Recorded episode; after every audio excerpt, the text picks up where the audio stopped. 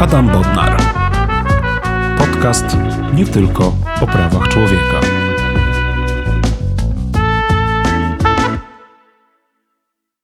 Drodzy Państwo, nazywam się Adam Bodnar i chciałbym zachęcić Państwa do wysłuchania mojego podcastu o prawach człowieka. W pierwszym odcinku podcastu przedstawiłem najważniejsze wydarzenia z zakresu praw człowieka w 2020 roku. W drugim odcinku natomiast chciałbym skupić się na najważniejszych orzeczeniach sądowych, które zostały wydane przez polskie sądy, ale także sądy międzynarodowe w poprzednim roku. Orzecznictwo sądowe ma istotny wpływ na naszą rzeczywistość. Polskie sądy są pod presją. Powstaje próba zamachu na ich niezależność, dlatego też warto przyjrzeć się temu, w jaki sposób sądy stoją na straży praw i wolności obywatelskich oraz y, w jakim zakresie y, sądy starają się odpowiedzieć na y, zagrożenia, które pojawiają się w kontekście naruszeń zasad praworządności. I oczywiście dla niektórych sędziów ubiegły rok był szczególnie przykry. Mam tutaj na myśli sędziego Pawła Juszczyszyna, sędzię Beatę Morawiec oraz sędziego Igora Tuleję, którzy zostali e, zawieszeni jako sędziowie oraz pozbawieni immunitetu przez Izbę Dyscyplinarną Sądu Najwyższego. I to jest swoisty, symboliczny wymiar tego złego, co się w sądownictwie e, stało. Tego, że tych gwarancji dotyczących niezależności e, sądownictwa jest coraz mniej i że sędziowie, którzy zdobywają się na odwagę, na swoistą dociekliwość, na swoją własną integralność zawodową, są narażeni na różnego rodzaju szykany. Natomiast ja cały czas wierzę, że sędziowie szykanowani, dyscyplinowani uzyskają sprawiedliwość w Trybunale Sprawiedliwości Unii Europejskiej w Luksemburgu, bądź też w Europejskim Trybunale Praw Człowieka y, w Strasburgu. Natomiast jeszcze trochę czasu zajmie, zanim to się stanie. Natomiast warto podkreślić, że już teraz wielu sędziów odważnie broni konstytucji, odważnie broni praw i wolności obywatelskich i dlatego też przygotowałem wybór dziesięciu orzeczeń, które uznaję za szczególnie ważne y, z punktu widzenia ochrony praw i wolności obywatelskich. To jest takie, powiedziałbym, sądowe top ten ubiegłego roku. Y, zestaw ten został przygotowany we współpracy z moimi kolegami i koleżankami e, z Biura Rzecznika Praw Obywatelskich. Poprosiłem ich, e, szefów poszczególnych zespołów, aby przedstawili mi swoje typy i z tego wybrałem te 10, tak mi się wydaje, najciekawszych e, orzeczeń, o których warto szerzej mówić. Pierwsze miejsce. Uchwała trzech izb Sądu Najwyższego. Przypomnijmy sobie scenę 23 stycznia 2020 roku tych prawie 60 sędziów Sądu Najwyższego siedzących razem na jednej sali, którzy y, stwierdzili, jak należy podchodzić do mm, weryfikacji nominacji sędziowskich, y, które były dokonywane przez Krajową Radę Sądownictwa w nowym y, składzie. To był ta uchwała trzech izb Sądu Najwyższego to był taki wielki akt sprzeciwu, jeśli chodzi o zagrożenie dla niezależności sędziowskiej. I uchwała ta miała szansę na to, aby wywrzeć duży wpływ na zweryfikowanie, czy sędziowie orzekający w sądach powszechnych, a w szczególności sędziowie orzekający w Izbie Dyscyplinarnej oraz Izbie Kontroli Nadzwyczajnej i Spraw Publicznych Sądu Najwyższego mają do tego pełne prawo. Natomiast myślę, że uchwała ta nie przyniosła takich skutków, jak się spodziewaliśmy. Natomiast e, mimo wszystko ona daje szansę na to, że prędzej czy później na poziomie Strasburga czy Luksemburga będzie ona uwzględniana i wpływała korzystnie na kształtowanie zasad niezależności y, sądownictwa. I ma to chociażby związek z niedawnym wyrokiem Wielkiej Izby Europejskiego Trybunału Praw Człowieka z 1 grudnia 2020 roku w sprawie Astrat Sąd przeciwko Islandii.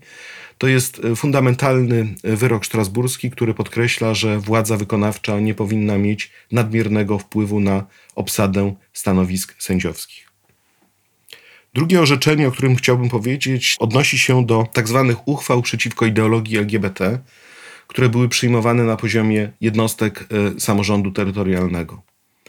A mianowicie te uchwały przyjmowane głównie w województwach południowych oraz wschodnich zasadniczo miały postać albo uchwał przeciwko ideologii LGBT, albo tak zwanych samorządowych kart praw rodziny. W przypadku tych drugich trudno je kwestionować z punktu widzenia prawnego. Oczywiście są pewne argumenty, ale znacznie trudniej te argumenty przedstawić w sądzie. Natomiast w przypadku uchwał przeciwko ideologii LGBT e, zostały podjęte działania przez e, Biuro Rzecznika Praw Obywatelskich, a mianowicie e, dziewięć wybranych uchwał zostało zaskarżonych do sądów administracyjnych. I na początku sądy administracyjne dość niechętnie podchodziły do kwestii weryfikacji sądowej, czy tego typu uchwały są zgodne z zasadami konstytucyjnymi, czy nie przyczyniają się one do kształtowania poczucia dyskryminacji osób LGBT, aż w końcu doszło do rozstrzygnięcia Wojewódzkiego Sądu Administracyjnego w Gliwicach, który 14 lipca uchylił uchwałę przeciwko ideologii LGBT, która została przyjęta przez Radę Gminy Istebna. To jest wyrok niezwykły, ponieważ on imponuje uzasadnieniem odwołującym się do konstytucji, standardów praw człowieka, a także do dyskryminującego charakteru uchwały przeciwko ideologii LGBT. I co więcej, wyrok ten miał wpływ na inne sądy administracyjne, które przyjęły podobne podejście, że tego typu uchwały lokalnego samorządu można badać i że sądy administracyjne są do tego uprawnione. Natomiast nie wszystkie sądy administracyjne przyjęły podobne stanowisko. W niektórych przypadkach sądy uznały, że uchwały e, przeciwko ideologii LGBT mają charakter tylko i wyłącznie deklaratywny, a nie charakter normatywny, czyli mówiąc e, wprost, nie można ich weryfikować pod kątem zgodności z konstytucją i że sądy administracyjne nie mają do tego uprawnienia. Dlatego też wszystkie te sprawy prawdopodobnie zakończą się przed Naczelnym Sądem Administracyjnym, ponieważ poszczególne jednostki samorządu terytorialnego, których uchwały zostały zakwestionowane, złożyły odpowiednie skargi do Naczelnego Sądu Administracyjnego. Samorządy te są wspierane przez Ordo Juris ale także do postępowań przyłączył się prokurator generalny, który także kwestionuje rozstrzygnięcia sądów administracyjnych. Także czeka nas jeszcze batalia przed Naczelnym Sądem Administracyjnym. Trzeci wyrok, o którym chciałbym powiedzieć, został wydany przez Europejski Trybunał Praw Człowieka w Strasburgu 23 lipca. Jest to wyrok w sprawie MK i inni przeciwko Polsce. A mianowicie w tej sprawie Trybunał Strasburgu rozstrzygnął, czy Polska może stosować tak zwaną praktykę pushback na granicy Brześć-Terespol.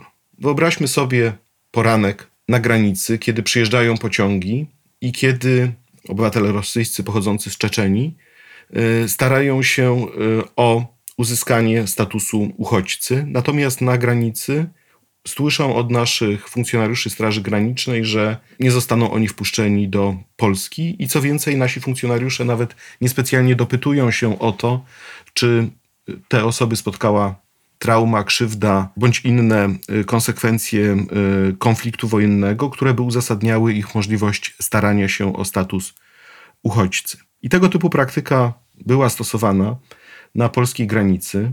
Ale wyobraźmy sobie także inną scenę, a mianowicie któregoś dnia na tym y, dworcu w Brześciu, y, Terespolu, pojawiają się polscy y, adwokaci, grupa adwokatów pro bono, koordynowana przez mecenas Sylwię Gregorczyk-Abram, którzy zapewniają tym wszystkim ludziom odpychanym od polskiej granicy pomoc prawną. I to ma istotne znaczenie, ponieważ ci ludzie mają poczucie, że nie są sami, ale także później prowadzone postępowania sądowe zmierzają do uzyskania rozstrzygnięcia Europejskiego Trybunału Praw Człowieka. I Trybunał w Strasburgu stwierdził, że tego typu praktyka, kiedy Polska nie przyjmuje wniosków o nadanie statusu uchodźcy, kiedy można powiedzieć odpycha ludzi starających się o złożenie takiego wniosku od swojej granicy, narusza liczne standardy praw człowieka. A wyrok jest także mm, istotny, ponieważ w tej sprawie Trybunał w Strasburgu potwierdził, że Polska nie zastosowała się do tak zwanych zarządzeń tymczasowych. Trybunał już wcześniej sugerował, że tego typu praktyka może być niezgodna z konwencją i w trybie e, takim tymczasowym nakazał Polsce przyjmowanie tych e, wniosków i zaprzestanie takiej praktyki, jednak zostało to przez władze polskie lekceważone. No i po latach e, sprawa została osądzona przez Europejski Trybunał Praw Człowieka i myślę, że będzie miała ona fundamentalne znaczenie dla rozumienia tych standardów właśnie w kontekście przekraczania granic. Czwarty wyrok dotyczył wyborów korespondencyjnych, tak zwanych wyborów korespondencyjnych, które się w Polsce miały odbyć, co do których podejmowano próbę ich e, organizacji. A mianowicie 15 września Wojewódzki Sąd Administracyjny w Warszawie stwierdził nieważność decyzji premiera nakazującej Poczcie Polskiej organizację wyborów korespondencyjnych. Przypomnijmy sobie, data wyborów prezydenckich została wyznaczona na 10 maja 2020 roku i przed datą różne działania zmierzające do organizacji wyborów były podejmowane przez e, premiera oraz inne organy władzy, w szczególności ministra Sasina, pomimo tego, że nie obowiązywały przepisy pomimo tego, że cały czas trwała debata na temat ustawy pozwalającej na zorganizowanie wyborów korespondencyjnych w Senacie. Natomiast to nie przeszkadzało rządzącym i były wydawane różne decyzje, które no, dążyły do tego, aby te wybory mogły się w terminie y, zaplanowanym odbyć. Jedna z tych decyzji dotyczyła y, polecenia, aby to Poczta Polska y, zaczęła się przygotowywać do wyborów. Pamiętajmy, że poszło na to około 70 milionów e, złotych, ale wiązało się to także z naruszeniem praw i wolności obywatelskich, ponieważ e, Poczta Polska starała się uzyskać spisy wyborców od jednostek samorządu terytorialnego, natomiast samorządy twierdziły, że nie ma ku temu podstawy prawnej i nie chciały tych spisów wyborców e, przedstawić. No i sprawa ma swój ciąg dalszy. Oczywiście wiemy, że wybory 10 maja nie zostały zorganizowane, że następnie zmieniono przepisy i wybory odbyły się 28 czerwca i 12 lipca 2020 roku. Natomiast już później e, te decyzje premiera organizacji wyborów zostały zaskarżone do sądu administracyjnego i Wojewódzki Sąd Administracyjny stwierdził rażące naruszenie prawa przez premiera i podejmowanie działań bez podstawy prawnej. Oczywiście Kancelaria Prezesa Rady Ministrów nie złożyła broni i sprawa się obecnie toczy przed Naczelnym Sądem Administracyjnym. Natomiast już ten wrześniowy wyrok wywołał poważną dyskusję o respektowaniu zasady legalizmu przez przedstawicieli najwyższych władz, a także jakie są konsekwencje nierespektowania tej zasady dla ochrony praw i wolności człowieka i obywatela. Piąty wyrok, o którym chciałbym powiedzieć, dotyczy tak zwanej ustawy dezubekizacyjnej. Ustawy, która pozbawiła y, uprawnień y, emerytalnych wiele osób, które miały jakiś nawet krótki rozdział pracy w różnych służbach, nie tylko w służbie bezpieczeństwa, ale w różnych służbach i strukturach podległych Ministerstwu Spraw Wewnętrznych i Administracji. I te osoby zostały objęte y, ustawą o tak zwanej dezubekizacji, co spowodowało, że utraciły możliwość otrzymywania emerytury, która była im wcześniej e, wyliczona. Natomiast przede wszystkim najważniejsza kwestia związana, moim zdaniem, z dezubekizacją dotyczy tego, że przekreślono ustalenia komisji weryfikacyjnej z 90 roku. W 90 roku nastąpił ten istotny moment, kiedy państwo polskie powiedziało: Wprawdzie mogliście pracować w służbach dawnego państwa, ale skoro nie popełnialiście przestępstwa oraz skoro deklarujecie, że będziecie teraz działali na rzecz państwa demokratycznego, to pozwalamy wam na to, abyście dalej tworzyli struktury państwowe, struktury policji, służb specjalnych, y, Straży Granicznej, służby więziennej i wielu innych struktur, w których konieczne było y, ich stworzenie dla nowego państwa demokratycznego. Natomiast po tych 26 latach od tej decyzji komisji weryfikacyjnej nastąpiło zastosowanie metody odpowiedzialności zbiorowej, czyli de facto przekreślona została decyzja Komisji Weryfikacyjnej 90 roku i to, co wysunęło się e, naprzód, to jest taka swoista ocena moralna, czy że jeżeli ktokolwiek miał jakikolwiek e, moment współpracy z, e, ze służbami podległymi MSWiA, to oznacza to, że nie może otrzymywać należnej emerytury, tylko ta emerytura powinna być wyliczana na poziomie minimalnym. I od tego czasu wiele osób, tysiące osób w Polsce domaga się zweryfikowania ich indywidualnej sytuacji. I to są czasami naprawdę wstrząsające historie. Dla mnie taka szczególnie ważna historia to jest historia pani Grażyny Biskupskiej, która w latach 90. tworzyła dział walki z przestępczością zorganizowaną w Komendzie Stołecznej Policji. Jest niezwykle zasłużona dla walki y, z mafią a teraz po latach została objęta właśnie ustawą dezubekizacyjną i ma emeryturę na minimalnym poziomie. I teraz 16 września 2020 roku w składzie siedmiu sędziów Sąd Najwyższy w Izbie Pracy i Zabezpieczenia Społecznego wydał uchwałę w sprawie tzw. Tak ustawy dezubekizacyjnej. Sąd Najwyższy uznał, że kryterium służby na rzecz totalitarnego państwa powinno się oceniać na podstawie wszystkich okoliczności, w tym indywidualnych czynów i ich weryfikacji pod kątem naruszenia podstawowych praw i wolności człowieka. Czyli to oznacza, że Sąd Najwyższy stworzył podstawę nie do stosowania odpowiedzialności zbiorowej, ale odpowiedzialności indywidualnej, do weryfikowania sytuacji każdej osoby. I wielu pokrzywdzonych dzięki temu e, rozstrzygnięciu Sądu Najwyższego ma e, szansę na to, że e, ich indywidualne sprawy zostaną porządnie zweryfikowane i być może zostaną im przywrócone uprawnienia emerytalne. Szósty wyrok o którym chciałbym powiedzieć, to wyrok dotyczący praw osób transpłciowych. Sprawa nie była szerzej komentowana, natomiast jest istotna, ponieważ 29 września 2020 roku Sąd Okręgowy w Warszawie potwierdził, że gwarancje ochrony praw osób transpłciowych w zatrudnieniu niepracowniczym odnoszą się także e, do kwestii niedyskryminowania takich e, osób i że te gwarancje, które dotyczą tych osób, są objęte zakazem dyskryminacji ze względu na płeć, czyli że przesłankę płci należy interpretować w taki sposób, że obejmuje ona także przesłankę tożsamości płciowej oraz że zakaz dyskryminacji osób transpłciowych należy wywodzić z artykułu 32 Konstytucji.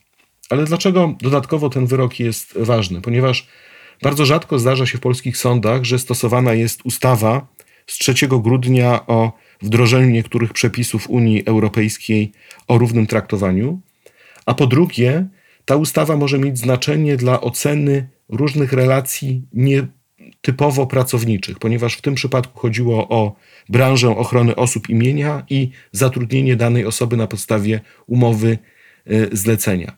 Dlatego ta ustawa z 3 grudnia 2010 roku, nieznana powszechnie, Y, może za wyjątkiem y, osób, które profesjonalnie zajmują się ochroną y, praw człowieka, może mieć znaczenie na przyszłość dla wielu innych branż, w tym dla zatrudnienia w charakterze B2B. Wreszcie siódmy wyrok dotyczył kwestii dostępu do świadczeń pielęgnacyjnych, a mianowicie 6 października 2020 roku Naczelny Sąd Administracyjny określił relacje między prawem do świadczenia pielęgnacyjnego a możliwością jednoczesnego kształcenia się osoby pełnoletniej w szkole w trybie y, dziennym.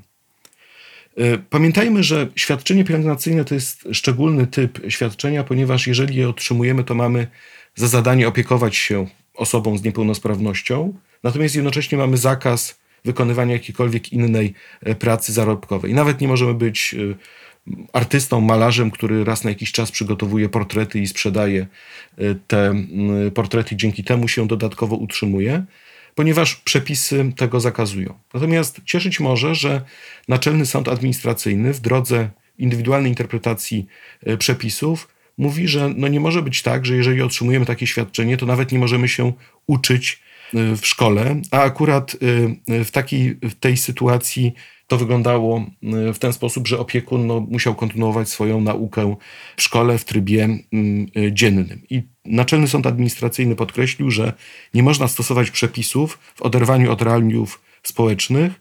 No i wyrok ten sugeruje także, że Polska powinna poprawić przepisy o y, obowiązku całkowitej rezygnacji z zatrudnienia lub innej pracy zarobkowej w przypadku pobierania świadczenia pielęgnacyjnego.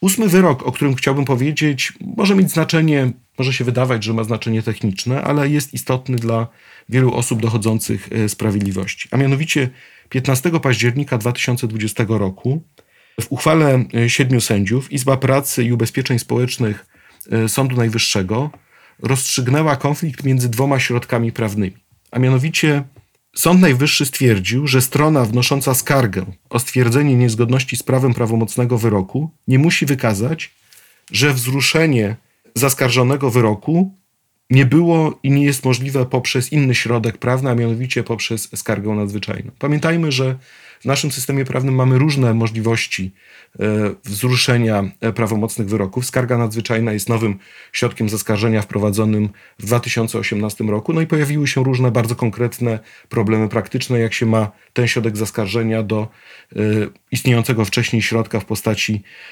skargi o stwierdzenie niezgodności z prawem prawomocnego wyroku. I tutaj Izba Cywilna i Izba Pracy miały inne podejście do tej kwestii. Natomiast wydaje się, że z punktu widzenia dochodzenia odpowiedzialności y, państwa, y, ale także z punktu widzenia korelacji pomiędzy różnymi środkami prawnymi, ta właśnie uchwała y, siódemkowa Sądu Najwyższego ma znaczenie dla osób, bo w jasny sposób wskazuje, że skarga nadzwyczajna nie może być uznawana jako ten wcześniej wymagany środek zaskarżenia przed wniesieniem skargi o stwierdzenie niezgodności z prawem prawomocnego wyroku. Na marginesie chciałbym wskazać, że ta skarga nadzwyczajna no, jest coraz częściej stosowana w polskim systemie prawnym. E, prokurator generalny wniósł skargi w, e, już w kilkudziesięciu przypadkach. Rzecznik Praw Obywatelskich w 2020 roku w 24 przypadkach złożył e, skargę e, nadzwyczajną. Także jeżeli ten środek prawny nie będzie nadużywany do rozstrzygania spraw, co do których e, prawomocność powinna mieć szczególne znaczenie, ale będzie stosowany jako taki swoisty wentyl bezpieczeństwa, to być może jest szansa, że niektórym osobom będzie on pomagał w dochodzeniu sprawiedliwości.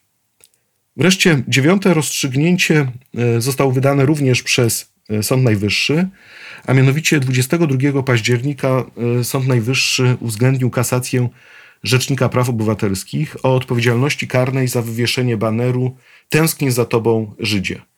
Pamiętajmy, artysta Rafał Betlejewski urządzał różnego rodzaju happeningi związane z tym hasłem, natomiast akurat ta konkretna sprawa dotyczyła wywieszenia baneru o takiej właśnie treści Tęsknię za Tobą Żydzie przez Rafała Betlejewskiego i Dawida Gurfinkiela na rynku w Węgrowie. Artyści wywiesili ten baner w czerwcu 2019 roku przez godzinę w celu upamiętnienia ofiar Holokaustu. Natomiast oczywiście wzbudziło to zaniepokojenie władz i Straży Miejskiej i e, artyści zostali ukarani grzywną na mocy artykułu 63a ustęp 1 kodeksu e, wykroczeń. Dostali mandat karny. Sąd Najwyższy w wyniku wniesionej kasacji uchylił wyroki nakazowe i Sąd Najwyższy odwołał się do gwarancji wynikających z artykułu 73 Konstytucji, wskazał, że czyn nie miał znamion szkodliwości społecznej. Raczej wręcz przeciwnie, czyn artystów wskazywał na te kwestie, które powinny być przedmiotem szczególnej wrażliwości i e, refleksji. I uważam, że ten wyrok ma istotne znaczenie z punktu widzenia kształtowania standardów e, wolności artystycznej oraz wolności słowa. I co więcej, stosunkowo rzadko zdarza się, że tego typu sprawy docierają do Sądu Najwyższego i że Sąd Najwyższy ma szansę wypowiedzieć się właśnie na tego typu e, tematy. A tutaj w tym przypadku również no, zastosowanie mechanizmów takiej odpowiedzialności porządkowej z kodeksu wykroczeń no, było zupełnie nieadekwatne, zbędne i niepotrzebne, trochę na zasadzie dajcie mi człowieka, a znajdziemy e, paragraf, bo nam się po prostu happening artystyczny nie podobał. Na tym polegają happeningi artystyczne, że czasami mogą one podnosić kwestie, które Y, o których może nie chcielibyśmy słyszeć, ale które są ważne z punktu widzenia y, społecznej odpowiedzialności i także pamięci y, historycznej. I wreszcie ostatni, dziesiąty wyrok dotyczący warunków prowadzenia działalności gospodarczej w czasach pandemii. A mianowicie 27 października Wojewódzki Sąd Administracyjny w Opolu odniósł się do kwestii ograniczeń w działalności gospodarczej w warunkach pandemii. Chodziło tutaj o zakład fryzjerski, który został ukarany za prowadzenie działalności e, pomimo obowiązującego e, zakazu. Sąd uchylił decyzję organów sanitarnych, powołując się na argumenty konstytucyjne. Zdaniem sądu, rezygnacja rządu Rzeczypospolitej z wprowadzenia stanu klęski żywiołowej oznacza, że do uregulowań prawnych dotyczących ograniczeń praw i wolności człowieka i obywatela powinny mieć zastosowanie wszystkie konstytucyjne i legislacyjne zasady, dlatego też wszelkie ograniczenia powinny być wprowadzane w sposób proporcjonalny, ale także na podstawie jasnych przepisów y, ustawowych. I nawet jeżeli mamy takie nadzwyczajne okoliczności jak stan epidemii, nie powoduje, że powinniśmy rezygnować z tych podstawowych zasad. I zdaniem sądu delegacja ustawowa, która pozwalała na wprowadzenie różnych ograniczeń dotyczących prowadzenia działalności gospodarczej, y, nie powinna być stosowana rozszerzająco i y, nie powinna być stosowana w taki sposób, aby całkowicie zakazać danego rodzaju y, działalności gospodarczej.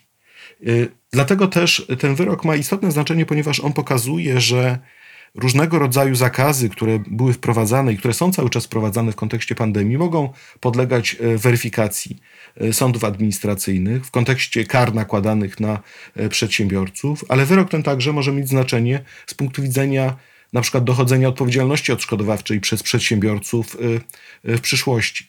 Także widać wyraźnie, że w sądach prędzej czy później będą się odbijały konsekwencje tych różnych ograniczeń, zakazów i różnego rodzaju reglamentacji wprowadzanych przez rząd e, na podstawie przepisów, które nie mają wystarczającej podstawy e, ustawowej. Dlatego ten wyrok e, myślę, że jest pierwszą jaskółką podobnych orzeczeń innych sądów w podobnych sprawach. Drodzy Państwo, wybór tych dziesięciu orzeczeń jest oczywiście subiektywny. Co więcej, to jest wybór, który nie uwzględnia wyroków haniebnych czy rażąco sprzecznych z gwarancjami ochrony praw człowieka. Natomiast chciałbym podkreślić, i temu służy także to podsumowanie 2020 roku, że sądy w wielu sprawach były strażnikami konstytucji i stały po stronie obywateli, chroniąc ich prawa i wolności. Za taką postawę, w szczególnie trudnych czasach, należą się sędziom podziękowania. Dziękuję Państwu za uwagę. Adam Bodnar. Podcast nie tylko o prawach człowieka.